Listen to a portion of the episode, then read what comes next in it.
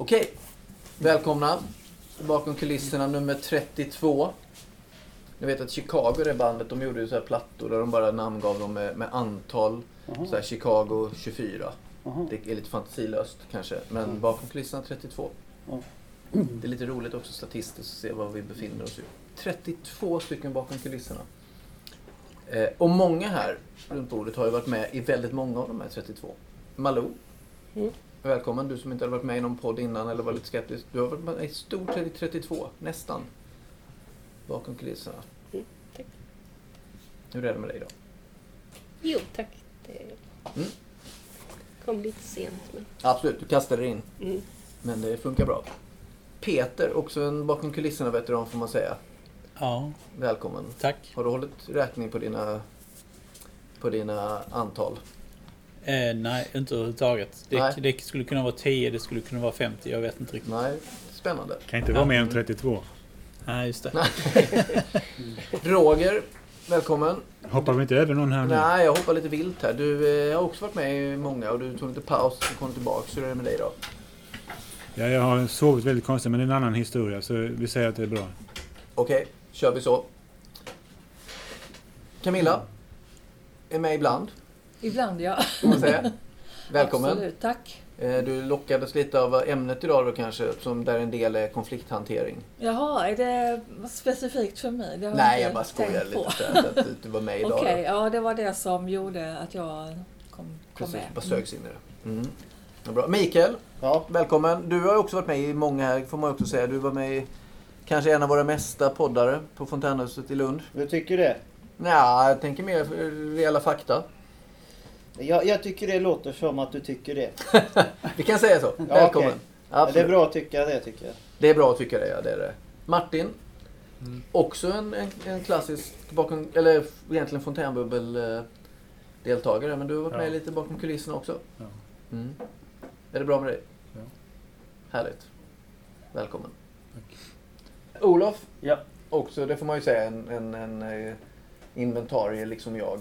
Ja, det är första gången jag är med här tror jag. Ja, det är första gången. Ingen har hört min röst innan. Nej, precis. Eller min åsikt.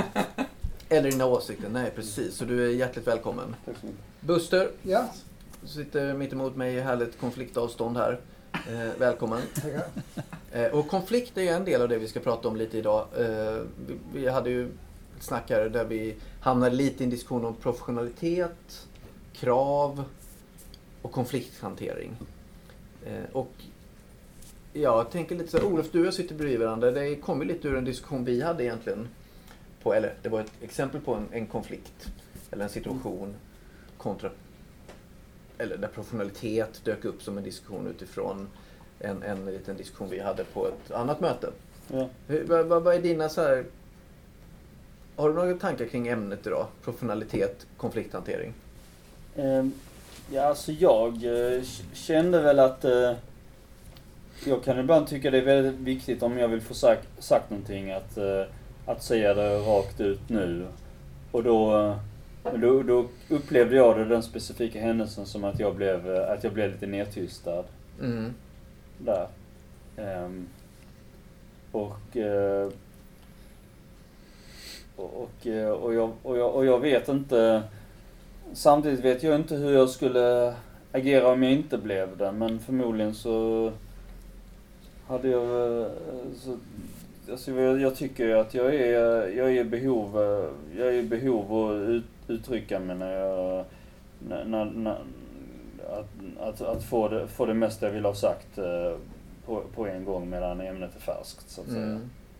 Någon annan som tänker på, jag tänker det är alltid spännande där, när du pratar om att man har ett behov av att få sagt någonting. Och sen befinner man sig i en grupp. Vilket ansvar har man gentemot, eller har man gentemot gruppen? Så här, jag har ett behov. Hur, hur går det ihop med, med, med konflikt, professionalitet och krav?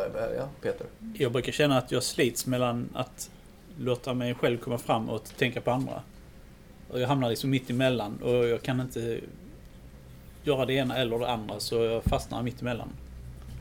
Jag kan inte låta mig själv komma ut för mycket. Men jag kan inte heller låta andra ta över helt och hållet. Nej. Det, det är Men blir det någonting av det då? Alltså, eller om man hamnar För- emellan då? ja, ofta så kan det bli att man blir fördröjd ett tag och sen så blir det ändå en liten bit av det. Mm. Men så glömmer man innan man hinner säga det kanske i en del grejer. Mm. Nej, det är ju klart. Om man tänker att man känner någonting, säger någonting, så är det ju en direkt Ja. Länk. Och det är klart att, att det kan vara ett problem att inte få ut det då. Och sen ibland är det när man tänkte säga någonting men sen innan man hinner säga det för att andra säger någonting först så hinner man tänka vidare. Och utveckla det eller komma på att det var ingen bra idé. Utveckla eller avveckla. Ja, Mm. Ja, det är ju spännande det där med eftertanke kontra den plötsliga tanken. mm. På något sätt. Det är För och såklart. Vad säger ni andra? Om Roger? Jag tänker det här med konflikt. Jag tycks ha två lägen. Mm. Antingen så låter jag det bero, att jag gör ingenting. Eller så blir jag förbannad och brusar upp. Eh, Jag har svårt för att vara nyanserad kanske kan man säga. Mm. Vad, vad tror du det beror på då? Eller har du några tankar kring det?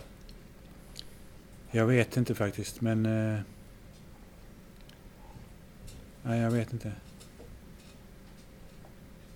Jag kan inte, jag kan inte föra diskussionen vidare. Nej. Det är inte ofta jag kan inte påminna mig när jag sett dig brusa upp. Nej, det har hänt två gånger tror jag, här på Fontänhuset. Mm. Vad händer då? Hur, hur agerar du då? Eh, jag eh, sa till på skarpen, eller jag... Jag helt enkelt eh, brusade upp Mm. och sa att... Eh, det var två olika händelser, så vad jag sa det, är ju, det kan jag inte ta upp. Och jag tar inte upp med vem heller, men... Men... Eh, det är verbalt alltså. Mm. Camilla, har du så här konflikt? Hur ser du på det? Med, med att vara i konflikt eller hur man blir bemött i konflikt och sådär. Eh, Brukar du hamna i konflikt? Ja, jag har nog inte gjort det här på fontänhuset men det har hänt att jag har hamnat i konflikt och varit eh, känt också det här behovet och att jag var tvungen att ta det här och nu och då har Mm. jag verkligen sagt ifrån och det har varit rejäla eh, konflikter. Mm. Eh, men eh, egentligen helst vill jag väl att det inte ska gå så långt utan att man löser det tidigare genom att vara lite smidig liksom ifall man är i ett sammanhang på en arbetsplats eller grupp eller någonting. Mm. Men kan det inte vara så ibland att någonting går förlorat i smidigheten? Oh jo, man kan ju göra våld på sig själv väldigt, eh, väldigt mycket. Mm. Eh, men... ja, jag, jag, jag vet inte. Jag, vet inte. Jag, jag tror man får avgöra från situation till situation och vilka man, eh, vilka man är tillsammans med ifall man ska ta upp det där och då eller ifall man men jag, jag, jag tänker kanske att det generellt är positivt kanske att inte... Man, man, kan, man kan föra konflikten lite avsides. Man behöver inte gå loss i en större grupp liksom. För Mm. att det, det blir en...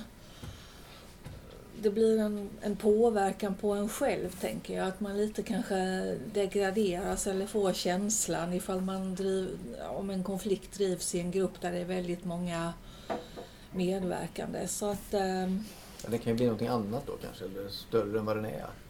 På något sätt ja, men jag också. tänker i professionella sammanhang så här så är det ju inte roligt ifall kollegor hör om det är någon som bråkar och höjer rösten och såna här grejer liksom. Det är ju, Mm. då, då kan man nog vinna på liksom att försöka åtminstone ta den avsides, tänker jag. Mm. Malou, är det oprofessionellt att bråka?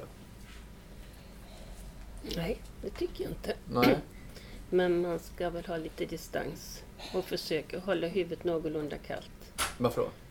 För sin egen skull om Ja. inte annat. För Mm. man, tapp, man tappar ord och argument och upprepar sig när man blir riktigt arg. Så Mm. man, man förlorar förmågan att vara saklig. Mm. Ja, det kan man ju känna igen. Herregud ja. När man känner att man tappar det liksom. Mm.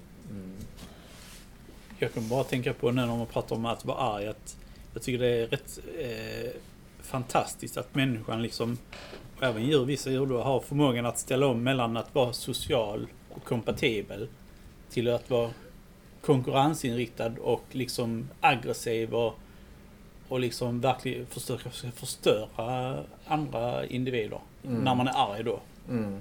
Att, att liksom det finns två läger där. Hade man varit alltid i det ena läget så hade man liksom inte fungerat lika bra kanske. Nej. Ja, Jag, tänker, jag tycker själv att det är väldigt svårt att vara så att säga Det är någon osynlig regel att man ska vara lagom. När det gäller hur man, man ska vara, man ska vara lagom engagerad, man ska inte brusa upp, man ska inte vara för ivrig och diskutera, men man ska, man, man ska samtidigt, man ska, men, men, om man, men man vill samtidigt säga någonting, men då ska det inte vara för mycket. Att, att ha precis den bild som- gör att man slipper att någon blir arg för att de tycker något har fått plats. Jag tycker det, många tar det för givet att ja, men alla, alla vet väl precis vad som är lagom och sådär. Men det, det vet jag inte alls. Mm. Så vi, på, på min förra arbetsplats så fick alla i personalen, inklusive cheferna, genomgå ett test där man blev kodad i färg. Och de som, var rö, som blev röda i det här testet då var personer som är snabba, går från ord till handling, väldigt drivande, ledaregenskaper, men kanske också ganska hetsiga.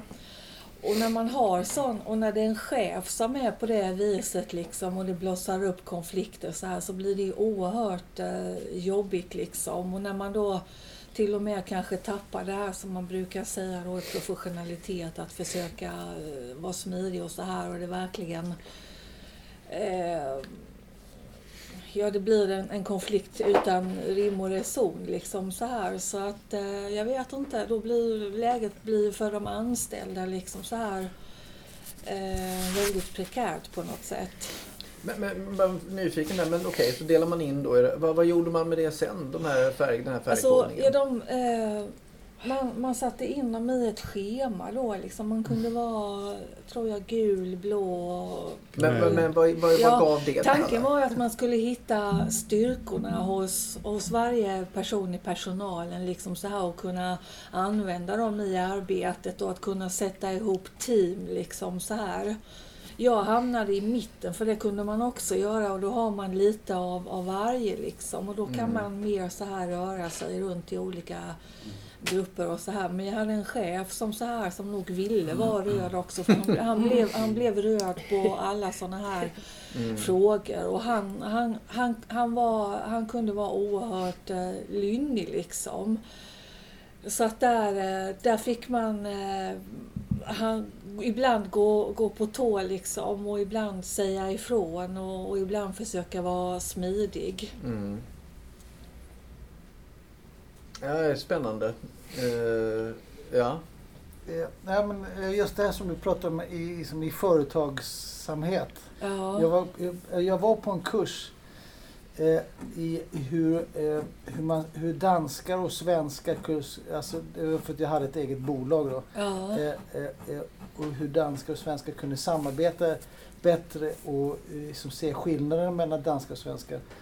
Och då var det precis det, det, han, det han berättade att generellt så, så är som en, en, en svensk eh, som, som, eh, som eh, var, var mycket mer att, att de var mer toleranta och de eh, väntade och blev, brusade inte upp och, och svalde tills det gick till en viss gräns och då exploderar svenskar så här. Nej nu jävlar, nu måste jag säga till. Så här. Mm. Medan då en dansk sätt att hantera oftast var mycket mer direkt.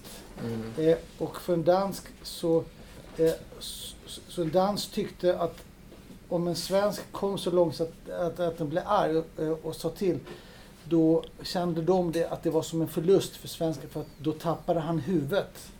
Så, att, så att, eh, där ser man liksom olika sätt att se, alltså kulturella skillnader på hur man hanterar en konflikt. Men för, för oss, för, Roger, för jag tänkte på det Roger du sa, för du är ju typiskt svensk. Det, det, det här liksom att, att, du, att du säger ingenting tills det har gått till en viss gräns. Och nu blir du förbannad.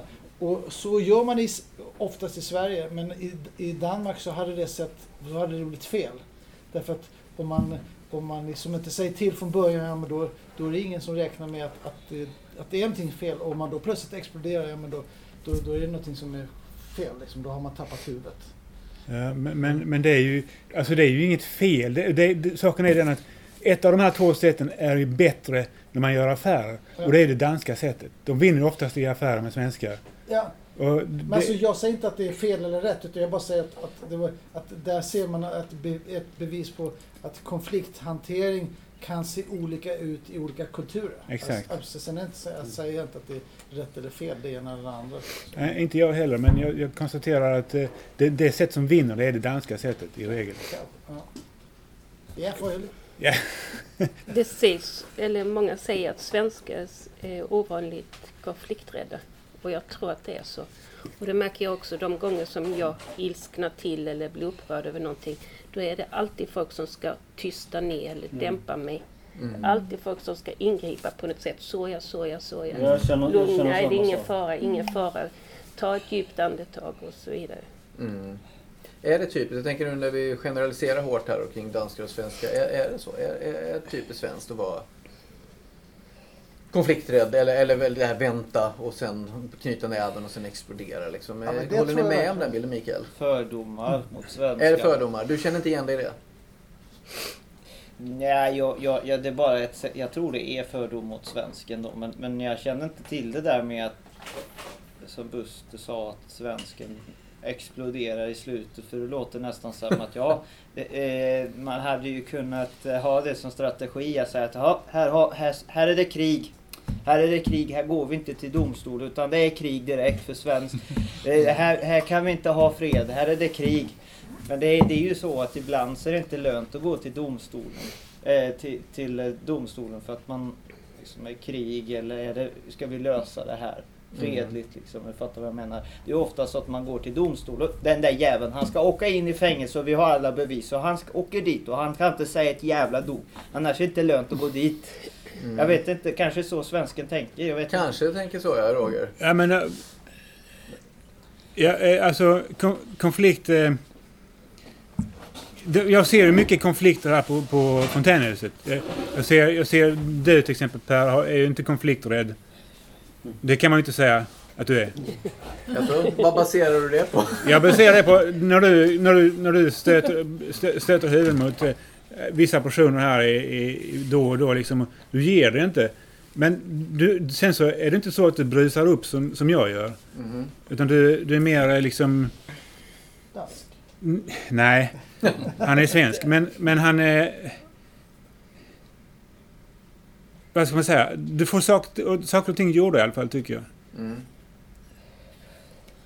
Ja. Men eh, vi har väl, det brukar väl sägas precis det som, som Buster också tar fram så här att svenskarna eftersträvar en konsensuskultur liksom. Och det är väl Det gör ju Lunds fontänhus till exempel. Ja, det gör Lunds fontänhus kanske. Mm. Står det i riktlinjerna eller? Ja, jag vet inte, det, det står ju... Det finns en fontänhusidé över, överlag om konsensus. Och när jag jobbade i Malmö så var det inte så. Där jobbar man med majoritetsbeslut. Men Mm. Lunds fontänhus jobbar ju väldigt specifikt med konsensus.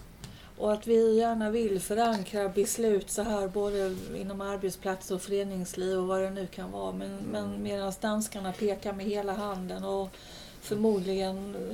Ja, jag läste någonstans också att i Sverige så har vi en... nu ska vi, om det var lång eller kort väg till makthavare, hur vi ser på dem, hur mycket man kunde agera mot makthavare. Medan Tyskland hade precis tvärtom. De agerar inte mot makthavare på det sättet som vi kan göra i Sverige. Mm. Det har inte med konflikt att göra kanske så, men, eh, men Ja, just men det här med ändå. Alltså. konsensus ändå, liksom tror jag Mm. att vi eh, är väldigt präglade av från att vi är små och börjar på Mm. dagis vid sju månaders ålder sa ju redan att det var en baby som hade börjat på dagis. Det tyckte jag var jättetidigt. Mm. Mm.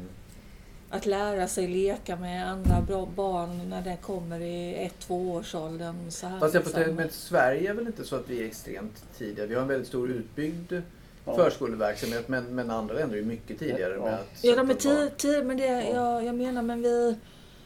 eh, Alltså, de är väl inte tidigare på dagis? Jo, jo, jo. I andra länder? Det, danskarna jag, är tror mycket inte de tidigare hade, jag tror inte de hade så... Nej, de var inte lika utbyggt. Men, när man men det är tidigare. Okej, okej. Nu man har ju skrotar vi inte- det vi sa. Ja, Man måste ju tillbaka till arbete oerhört mycket snabbare. ja, Sådär. ja. Så, men, eh, vi, vi har några, vi kommer tillbaka. Jag kan tycka att det är spännande det där med konsensus, nära till makt.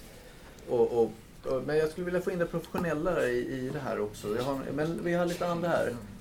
Ja, men jag, bara, jag vill bara säga att eh, min far, han är helt svensk. Han, eh, han brukar säga att man, man, man ska inte väcka björnen. Nej, Den ryska björnen.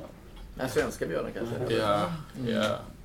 Eh, det vill säga man ska göra allt för att undvika konflikt. Mm. Och min teori är att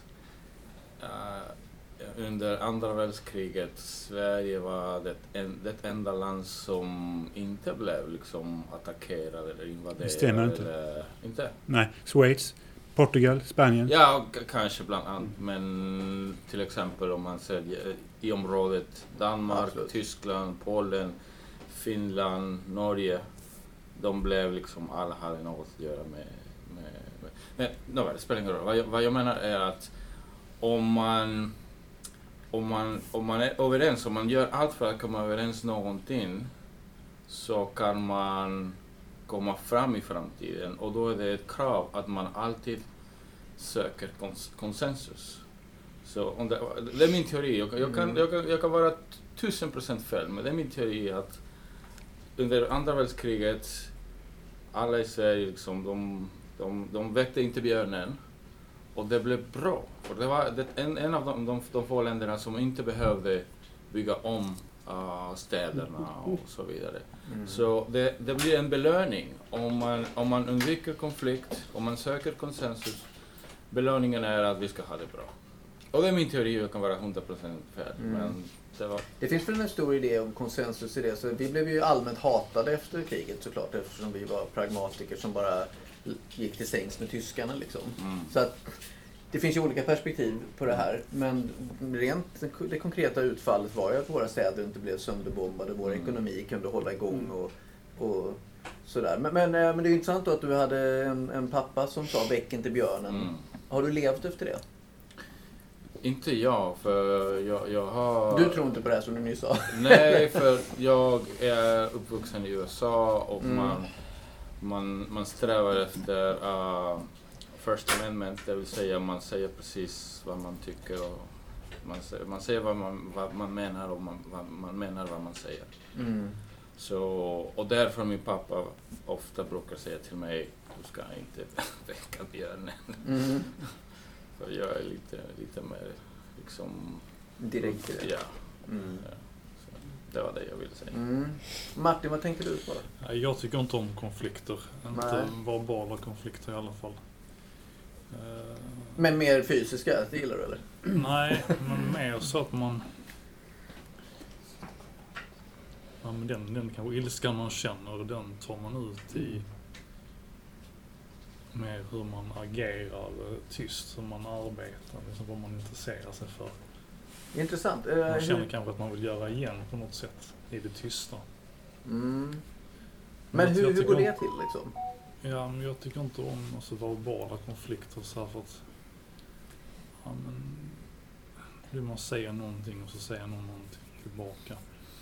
Men sen så eh, har jag liksom svårt att gå vidare och höja rösten och komma med argument och så här, för jag tycker det leder ingen vart. Mm. Men, men däremot så jobbar jag nog mer i det tysta. Men jag blir lite nyfiken på det här att jobba i det tysta Ja. för att ge tillbaka. Hur skulle det gå till? Alltså det blir ju inte direkt att man ger tillbaks men man får liksom en, en vinst ändå för sig själv. Mm. Ja, men den tänker jag är ganska viktig. I någonstans att kunna känna att man får upp för självförtroende. Precis, självkänsla, självförtroende. Man stod upp för sig själv. Eller den direkta belöningen är väl ett knytnävsslagsmål, jag vann. Jag menar, jag säger inte att det är bra. Men, men att det finns en, en koppling till det där. Vad tänkte du Olof? Hallå, nu var jag före. Nej, Olof var faktiskt före dig. va? Jo. Du sa... Nu blir det konflikt. Jag hanterar detta mycket professionellt genom att ge ordet till Olof. Nej men jag, jag tänkte alltså just den här re- rädsla, då, då ingår det här också på något sätt när man söker ko- konflikträdsla. Just den här räds, rädslan att vara eh, kontroversiell eller i alla fall följa sitt eget förnuft.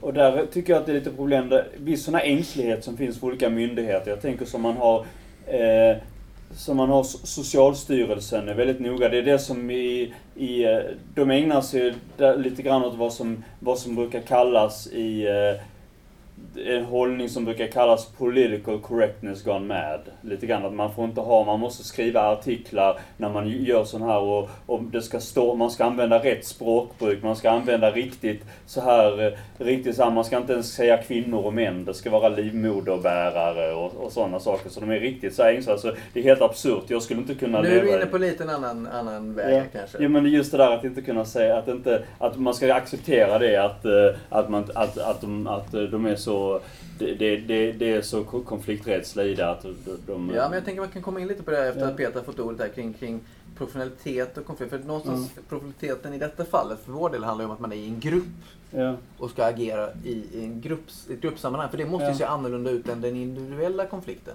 Kan ni ju tänka på. Vad tänkte du Peter? Eh, Jag började fundera på lite, vad är egentligen professionalitet? Mm. Och vad jag kom fram till är att professionalitet betyder att man har man agerar på ett sätt som är baserat på lång erfarenhet av att i en företagsmiljö eh, genomföra arbete som eh, utmynnar i goda eh, produkter och tjänster samtidigt som man ser till att få ett bra rykte i branschen. Och då är frågan, kan man vara professionell på fontänhuset? För att det är ju inte ett företag på samma sätt. Mm. Och då, alltså, blir, alltså, blir inte det lite, kanske lite skevt då? Alltså, kan jag tycka. Att Mm. om man liksom, om man tänker vad är det egentligen man följer efter Mm. när man är professionell så att säga? Nej, nej, man behöver en definition. Alltså, man får väl säga att det ordet har breddats. Från början är ju att du får betalt för din profession. Mm.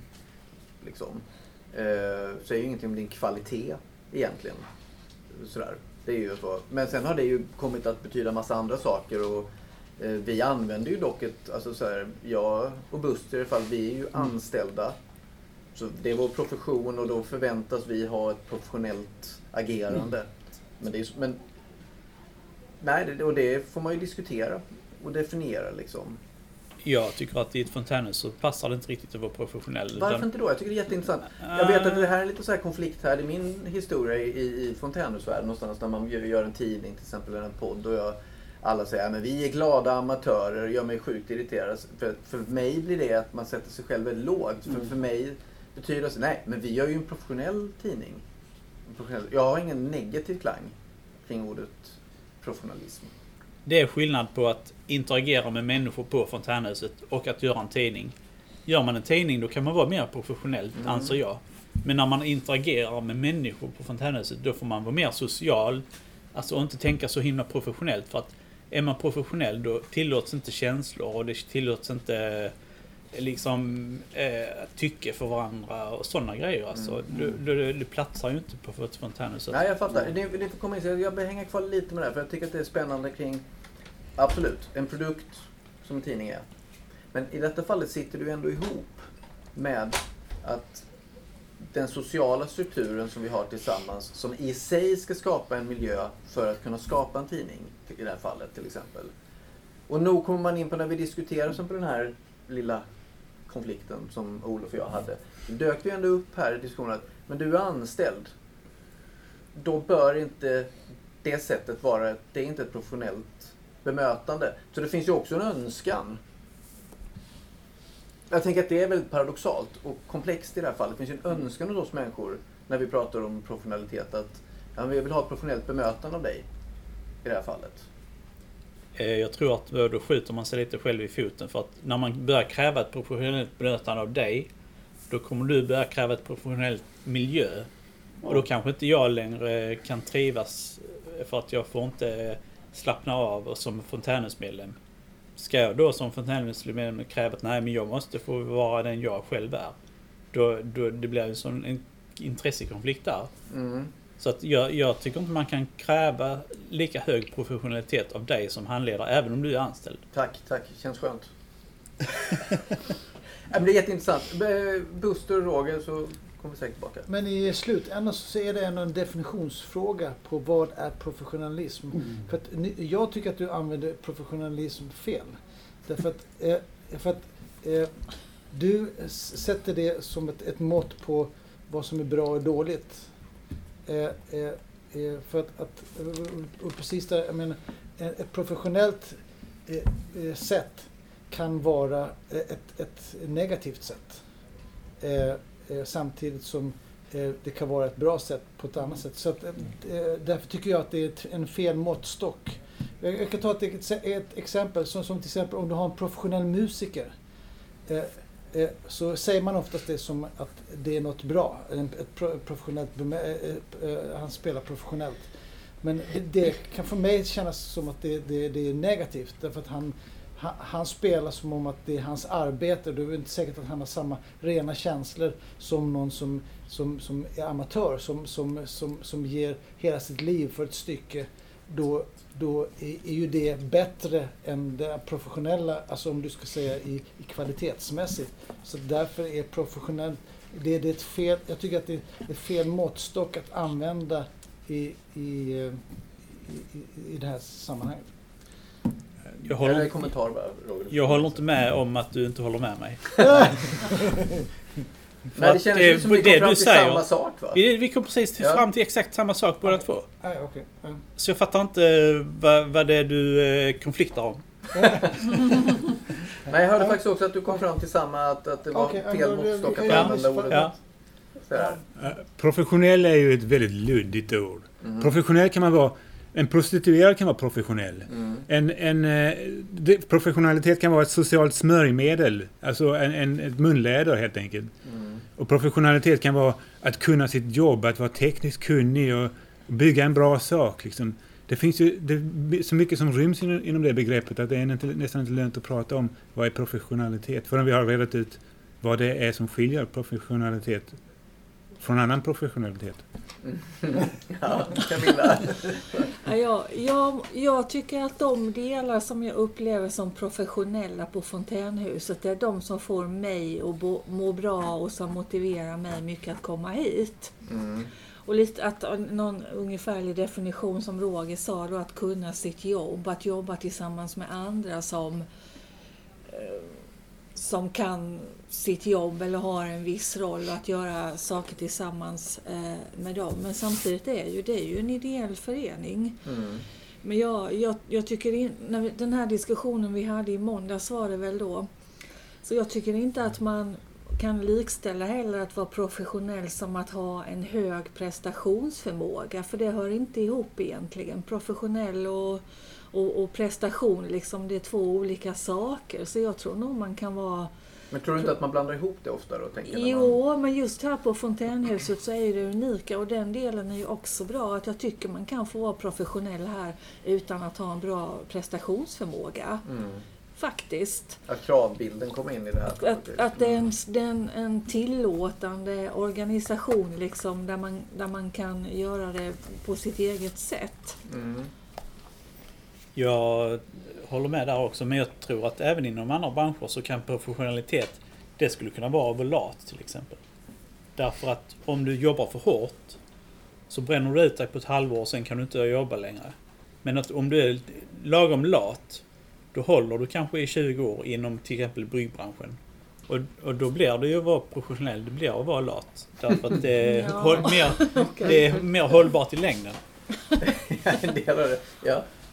Nej, men visst. Eh, eh, jag tänkte backa lite till det här med konflikthantering. Eh, och jag, alltså om jag ska säga konflikthantering på Fontänhuset, tycker, alltså jag som har jobbat här nu ett, ett, ett år, så tycker jag att, att en, en positiv sak med min arbetsplats här tycker jag att, att vi är otroligt bra på att ta konflikthantering här tycker jag. Att, det, uppstår många konflikter men att de reds nästan alltid upp, vilket jag tycker är helt fantastiskt. Alltså, eh, om man har sett de här konflikterna på andra ställen tror jag att det här många gånger hade mynnat ut till större proportioner eller större missuppfattningar eh, där vi verkligen, det är många här som verkligen försöker att även om det är någon som kommer i en konflikt eller några kommer i en konflikt med varandra så lös, löses det oftast, vilket jag tycker att det är positivt.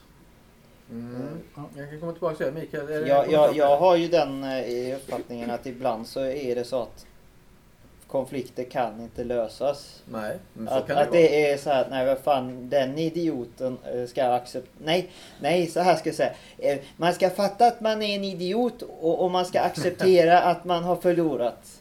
Mm. Eller att, att det, är, det är liksom eh, det som är en del av accepterandet att ja men jag är ju en idiot. Och jag Man kanske inte behöver benämna det med de orden. Nej men nu, för jag nu du använder jag ord om det. Nu använder jag de orden Ja, därför jag absolut, tycker den teatern är rolig. Mm, jag vet, jag vet att du tycker det. Mm. Och jag blir glad att, säga, att formulera det så nu. Men, men jag tänker att, för det, men jag tycker du har en väldigt viktig poäng där.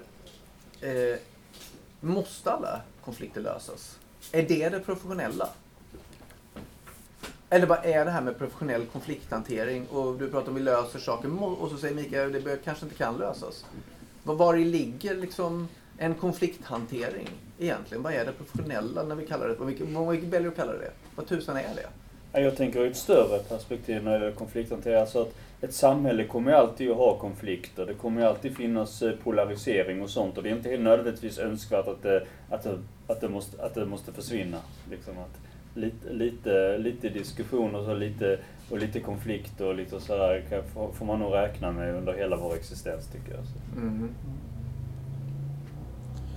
Ja, Alltså, att vara professionell och konflikter, det tycker jag låter som varandras motsatser. Alltså antingen agerar man alltid väldigt professionellt, det vill säga man går in liksom sin expertroll, eller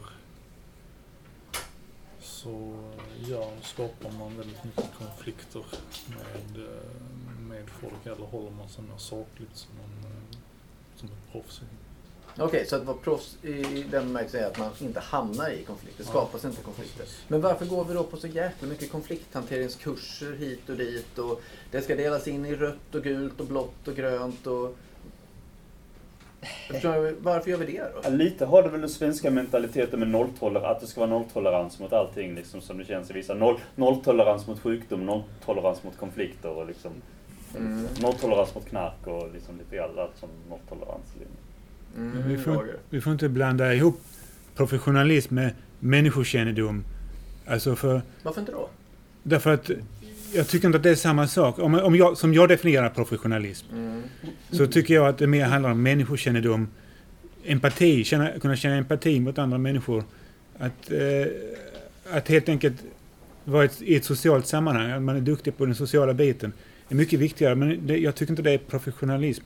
Jag tycker profession, professionalism är, det är när man bygger bra bilar, som Audi eller BMW gör, det är professionalism. Så då, om, jag, om jag ska själv använda det ordet så använder jag det hellre då än att jag pratar om professionalism här på Mm. fontänhuset. Mm.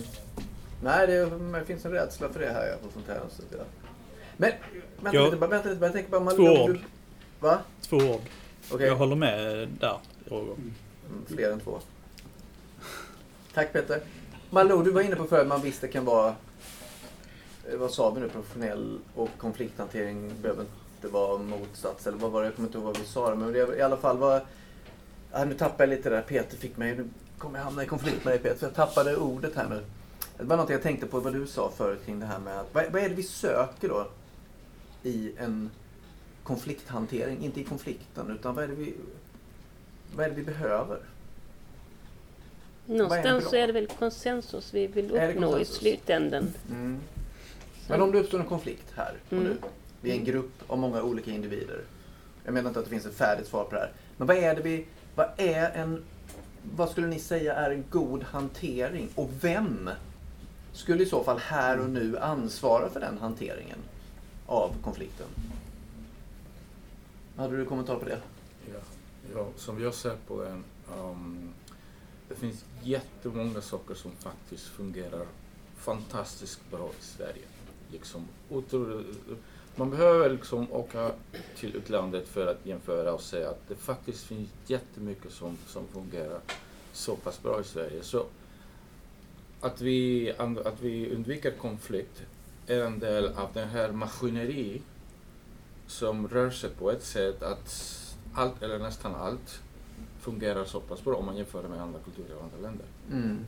Så jag tror att, att, att, att det är viktigt att, eh, att vi får dessa konflikt, konflikthanteringen för då på ett ganska omedvetet sätt vet vi att vår individ, vår, våra individ, in- individuella liv kommer att fortsätta fungera Mm. för de som faktiskt går att fungera. Men ja. Mm. Det finns en poäng med maskineriet. På något sätt då ju. Jag bara, kommer att tänka på något som är rätt unikt för Sverige. Och det är det här med avtalsperioder. Att man inte har, får strejka under en avtalsperiod utan först när avtalet har löpt ut. Mm. Så även där så skiljer vi oss rätt mycket från Ja, folk i andra länder. Ja. Mm. Att nu får ni strejker. bråka, Mm. men nu och nu och nu, även om det är problem nu så får ni inte det. Nej, absolut. Det är precis en bild av det. Känner inte jag till. Du pratar om konflikthanteringen. Det finns ju ett, ett, om man inte kommer överens med konsensus så kan man ju vara överens om att man tycker olika. Mm. Och då kan man landa i det att okej, men vi kommer överens om att vi har olika åsikter och så accepterar vi det. Mm. Agree to disagree. Ja, Mm, precis. ja just det. Mm. Men jag tänker att det måste ju vara massa konflikter där folk verkligen, jag vill ha rätt, jag måste ha igenom det här beslutet, jag vill att vi ska göra så här liksom, där inte konsensus är målet utan det handlar verkligen för de inblandade att jag vill att mitt förslag ska vinna liksom, för att det är bättre för organisationen, det är bättre för mig, vad det nu kan vara. Mm. Men sen till det här på fontänhuset. Jag blir förvånad de gånger eh, Matilda tar upp på klubbhusmötena att hon och andra handledare sitter ganska mycket med personer och löser konflikter. För jag, de enda konflikterna jag märker liksom så här, det har varit någon gång här på redaktionen men det har ju varit små konflikter som har gått över. Så jag tänker ändå, det som Buster sa, att på något sätt så verkar det funka med konfliktlösning. Mm. Eh, Det är ingenting man, man märker när man kommer hit och, och, och sitter med sin vad man nu gör liksom. Ja, för mig är det så. Mm. Jag märker inte av, jag har aldrig märkt av det här att folk inte hälsar och att det blir en konflikt av det eller Mm. att folk eh, säger taskiga saker och så blir det en konflikt av det. Jag upplever inte heller att det är mycket konflikter på fontänhuset. Nej. Men jag tänker, kan det också ha att göra med där, ens definition av vad som är en konflikt? ja kanske det. Alltså sådär, om jag och Olof diskuterar och det blir högljutt till exempel så kanske det är en konflikt för någon. Eller ja, det, det är ju en klassiker såklart. Men det kan ju vara, det kan vara en del i det. Eh, såklart. Men, men jag, om vi går tillbaka bara lite så här, vad, Men om det blir en konflikt. För jag är nyfiken på det här med vad är det vi vill ha i, om vi pratar om en, i en konflikthantering, konsensus. Ja men hur når man det då? Här har vi en grupp här. Det blir en konflikt. Vad vill man ha i en konflikthantering? Och vem ska ansvara för själva hanteringen av konflikten?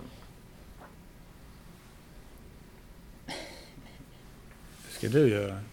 Ska jag göra det? Ja. Varför då? För du är handledare. Nej. Ja, och då är man ju tillbaka till det. Ja, för jag har lön. Och jag har ansvar på det. Och då är jag den professionelle. Fast det inte ska finnas här på Fontaine. För det finns ju en paradox här. Eller? En mänsklig paradox tänker jag på. Ja, Mikael är helt i gasen Nej. som Peter. Hade du kommentar på det Peter? Ja. Ja, då får Peter komma in först. Där, där håller jag med. Alltså, jag vet inte hur du tänkte, men jag håller inte med dig där. Att, eh, för att här på Fontänhuset så kan man även bli utsedd till vissa uppgifter. Man skulle kunna bli utsedd till att ta ansvar för saker. Mm. Så där håller jag inte alls med om att det måste vara du som har ansvar för liksom, verksamheten här. Det, det är inte så det funkar här på Fontänhuset. För mig funkar det så. Jag, jag, jag, jag vet inte vad jag ska säga. Okej, jag, det jag, tur. jag accepterar din åsikt. Eh, tack. Jag Nej men det är, det är så här, det är så här att det är the game of, är ru- the game of, nej det är rule of the game som gäller, att det är spelets regler. Mm. Och, och den som inte följer spelets regler, han fuskar ju. Och fuskar han så kommer han också ljuga på att han har fuskat. Men vi vet ju att den jäveln har fuskat, så han anklagar vi ju för fusk. Så det är lika bra att döma honom oskyldig eller som oskyldig då. Men jag håller inte med om det där att vi ska ha en professionell som, som, eh, som, eh, som bestämmer och tar ansvar. För att då, eh, då blir det ju så här att han, den här professionella, han är ju diktator och, och, och då är alla andra kan inte tänka själva då. Mm. Eller jag vet inte. Nej, de som oftast tänker annorlunda, de kanske uppfattas vara dumma eller idioter. Jag vet inte. Men jag, jag, det är liksom the game of the rule. Liksom. Jag säger kanske the rule of the game. Mm. Jag sa fel, vänder på det. Jag kan inte... Mm, ja, men, Att det, det är spelreglerna. Men här, spelreglerna har, har vi ju, här har vi ju inga spelregler liksom. Eller, vi vi, det? vi litar på varandra tillräckligt Mm. mycket så vi behöver inte ha det. Jag vet inte. Är det någon konsensus också? Eller konsensus att jag, vi har kommit överens att så här är det. mm. Kan vara konsensus också. Mm. Nej, vi har kommit överens att här har vi en diktator, diktatorn bestämmer. Mm. Mm. Nej, det kommer man överens om det, men det vet inte om man kan göra. Eller vi, har, vi kan lura folk att vi har kommit överens om det. Vi kan lura folk att, att det här valet det var fredligt och det var helt okej och det var inget Mm. fusk eller någonting. Men det var riggat till 100%. Absolut, det kan det ha varit. Men vänta lite, nu får Olof och, och, och komma in. Ja, tack. Uh, nej, men jag tänker ju, det är en klassiker det här med att man kräver ansvar av andra. Ja, du har mer lön och du har större arbetsuppgifter och därför har du mer ansvar. Det ligger ju mycket i det, att det har man ju automatiskt. Man har ju större, men, uh, större ansvar ju mer, ju mer auktoritet man har ju, och ju mer inom beslutsfattande så, så har man ju större ansvar. Men det är också lätt, det är också en lätt bekväm väg andra, alla folk ofta tar. Ah, Jag behöver inte se över mig själv i mitt sätt att agera för det, det finns ju någon som är högre än jag. Eller det, det är ungefär som det här, ja det finns ett politiskt parti som är större än jag och jag tycker, jag, jag hade inte gjort det här bättre i den här situationen men jag tycker ändå jag kan kräva ansvar eftersom de styr och så. Liksom, Det är Mm. sådana konstiga att man är själv utan ansvar bara för att någon har mer ansvar än en själv. Liksom. Nej, nej, det, det, det finns ju ett systemfel i det såklart. Ja. Nej, men jag ville bara, bara säga att um, apropå vad han sa om, om uh, spel och alla dessa saker. Att teater, film och litteratur de, de, uh, de skulle inte finnas om det inte fanns konflikt. Mm. För vi, vi, vi går på, på och ser en teaterpjäs för det, det, det blir någon konflikt som man kan vara med utan att leva den där konflikten själv. Och samma sak med en, film. Med alla filmer de har en, en tendens att hitta konflikt. eh, Vem är hjälte, vem är inte hjälte, bla bla bla. Så det finns jättemycket konflikt i en, i, i en film som man älskar. Mm. Liksom man verkligen, verkligen njuter av konflikt. Så länge det finns i teater, i litteratur eller i, i en film, tycker Mm. jag. För ut, utan konflikt kan man inte skriva en teaterpjäs. Det måste finnas konflikt. Ja. Men någon slags konflikt måste väl absolut, och det måste väl också finnas i vår vardag tänker jag. Alltså hur drivs Mm. våra hjul framåt utan friktion liksom? Ja. Men Bara du- det nu behöver inte uppstå i något krig liksom. Men... den där konflikten som finns i film och teater, och- eller, eller film, för amerikansk film framförallt. Den är ju liksom... Eh, det, den, den är ju tillrättalagd. Man vet hur det ska sluta. Den good guy is gonna win. You know, Du vet, alltså Mm. de goda kommer att vinna och, och de onda kommer att få stryk eller dö och så här liksom. Mm. Det, det är så tillrättalagt så det är inte samma som konflikt i verkligheten. Det, det är inte riktigt Nu vill samma jag- sak Vänta lite, vänta lite. Det är andra före. Mm. överallt. Mikael och Ja, Nej, men jag- det jag där, jag, har, jag, har det är en, jag har en riktigt bra idé på det här med, med konflikter. Liksom. Jag har ju en, en, jag har en inre tanke om att man ska vara Superman. Och om man, det ska vara hot, rock and roll och man ska liksom, eh, motståndaren besegrar vi och det är rock and roll och jag är Superman och Det, det är ju lite den idén på. atombomberna, ja, vi vinner, vi Precis. kör över dem, vi är starka. Absolut, men det är lite så att det, absolut, det vill man väl såklart. Ja, jag, jag skulle säga, jag tycker inte alls att det är så svartvitt alla gånger för jag tycker det är därför man skiljer mellan antagonist och skurk, så att säga, antagonist och villain. För alltså att i olika så här filmer och sådär, för det finns ju konflikter som är att bara att man kan ha olika, olika även, även i superhjältefilmer kan det vara att någon som är antagonist mot superhjälten, att det är för att de har en annan väg, att de tycker att superhjälten går fel tillväga och bekämpar brott. Men båda har samma mål, så det behöver ju inte betyda att bara för att man är antagonist att man är the bad guy och Nej, för absolut. Vi har diskuterat en gång förut, men jag tänker ändå att Roger har en poäng i att, att vi stiliserar konflikter i film. Man stiliserar någonting som vi kan projicera någonting på. Liksom sådär. Men det finns ju också en, en värld, ett värde i konflikten Ja. i och med det. Det jag tänkte på, eh, men man kan ju också komma i konflikt med sig själv. Mm. Hur Eh, tänker och- du då? Ja, nej, men vi pratar om konflikthantering. Mm. Eh, och hur hanterar man eh, när man kommer i konflikt med sig själv? Vem ska bestämma då? Vem som ska lösa konflikten? Mm. Nej, nej, då går man ju i terapi en jädra massa år. Och... Så är det. Käka Mm. olika preparat. Precis. Nej, den konflikten är ju ännu mer komplex såklart. Jag tänkte på det du sa Olof om eh, skurken och antagonisten. Att Mm. te- för, filmer som var förr i tiden, alltså typ 80-90-talet. Då var det som att skurken var tvungen att göra så många jättemånga dåliga beslut och var elak och våldsam och sånt.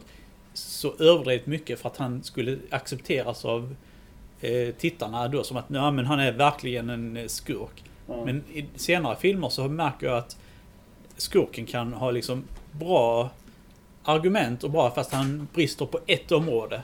Han gör en sak som är fel och då är han totalt skurk. Ja, Så, och då liksom... Det, Har du något exempel på filmer? eller? eh, Jag tänker lite, kan ja, vi, förlåt, det är jag, har, jag kollar faktiskt på en film- Man of Steel. Ja. Där är ju den, här Sod, General Sod. Han sa det att han, han jobbar för sitt folk, för att sitt folk ska må bra. Och han, eh, han, han kan vara våldsam, men han gör det för att, för att det ska bli bättre totalt sett. Men så gör han det felet att han är emot människorna. Han vill hämnas på människorna. Och därför så måste han dö. Mm. Så att... Eh, och, Det är ju biblisk synd, han är- drivs ju av hämnd här va. ja, och, men det räcker alltså den grejen för att han ska vara den riktiga Ja, den är- superskurken. Hans... eh, Ja men den är ju också klassisk, den är också stiliserad. Det är ju den klassiska skulden någonstans. Att du kan, även du kan motivera rationella beslut utifrån att du ska döda människor av den här anledningen. Men när din rationalism är korrumperad av, i detta fallet, då hämndbegär. Eller kärleken till din nästa. Eller, alltså, då är den enligt all stiliserad. Men, eh, så här. men är det inte... Så det, det stämmer. Eh, Ja, det stämmer. Men är och är inte då den- en mänsklig e- egenskap är ju att inte vara perfekt i alla Ja, områden. Absolut. Så att eh, då borde han istället bli mänsklig och Jo, bli förlåten. För att där kommer hela projek- absolut det kan man ju tycka med Jo, produktionsbit kommer in. Men de är, kan vi tillbaka lite till det här om innan vi slutar. För att om man då anlägger det på, vi är ju inte perfekta. Det är vi ju inte, tyvärr. Eller så är det bra vi inte är det. Men på Fontänhuset då, som ju är en väldigt bra verksamhet. Så där, vad, vad är det vi tänker så här, professionalism, är ni, det ska vi inte ha. Konflikt, är det, är det, finns det eller finns det inte här? Hur ska konflikthanteringen se ut här? Det är väl de bitarna då. Eh, får man skrika på varandra? Får en handledare skrika på en medlem här? För ren ilska i en konflikt? Eller kommer folk bli illa berörda? Vad händer liksom? Jag skulle förlåta en handledare som brusar upp och blir arg vid något tillfälle. Mm. Eh, inte just bara för att vi är ett fontänhus utan därför att vi är människor. Mm. Men, eh, men eh, det är klart att om jag är på fontänhuset och jag hör några som skriker på varandra då tycker jag att hela stämningen blir Det negativ. påverkar ju. Ja. Så även om jag sitter inne på admin och ni bråkar här inne på redaktionen så tycker jag att admin-miljön den blir sämre. Mm. Just i alla fall den närmaste timmen efter det. Mm. Innan man har glömt bort det. Och det tänker jag är intressant. För det är ju precis eller liksom någonstans cirkeln där vi började så här, att man befinner sig också i en grupp. Mm. Med, där andra människor kommer att bli påverkade av det som händer runt omkring oss. Och det ansvaret är ju svårt. Liksom så här, en konflikt kan ju uppstå och vi ska inte vara rädda för den. Och samtidigt ska vi ta ett ansvar för var vi befinner oss. Någonstans ju. Eh, För det, är ju, det kommer man ju inte undan, det påverkar ju oss. Vad som händer runt omkring oss. Hörni, klockan är ju nu tre. Man ska ta över stället helt enkelt. Man ska ta över, man ställa sig upp och skrika och hoppa och då, då tar man över stället. Alltså det gör man ju såklart. Malou, tänker du någonting innan vi stänger ner här? Jag tänkte något precis men Ja, det försvann. det försvann. Attans. Ja. Någon annan som har något ytterligare kring de här bitarna eller ska vi tacka för idag? Jag kommer inte på något mer att säga. Jo, jag kan säga så här, det är skillnad på att reagera eller, eller att eh, svara. Att eh, reagera ska ta över stället genom att reagera så ska motparten reagera också. Eh, men det jag vet inte, det är väl, det kan vara så att man har en förväntning att det är så ibland. Jag vet inte. Men nej, folk reagerar inte, de svarar istället. Eller Mm. det är ju känslor då, eller konflikter. Nej men, nej det är för jävligt. Vissa konflikter går inte att lösa för att man förväntar sig inte det. I, ibland så tycker jag att, att vi svenskar, vi, vi är så att nej, ni, vi är liksom lite grann att vi ljuger. Ja, nej, konflikten är löst. Mm. Och låtsas ingenting. Nej, konflikten är löst. Men är det inte så, jag tänker lite, du är inne på någonting jag kallar reaktionen. Alltså om allting bara är reaktioner, är inte det en del av konflikthantering överhuvudtaget? Eller så att, Det, att se sin egen reaktion och aktion det på händer något sätt i det Om allting bara reagerar. Jag reagerar på Roger, Roger reagerar på mig, jag reagerar tillbaka. Du reagerar, alltså då är man ju fast i en loop. Precis. Någonstans måste man i, tänker jag, i en konflikthantering kunna gå utanför loopen. Eh, och se en reaktion, aktion och vad som händer. Ska man lyssna på ordet reagera så betyder det ju att svara på något sätt. Agera, att man agerar, det är inte bara ord va? utan man, man gör någonting. Det är väl likadant på engelska, re, react. Reenact. Mhm. React. React. React. Ja. Det är ju, det är ju, det är ju återagera eller reagera.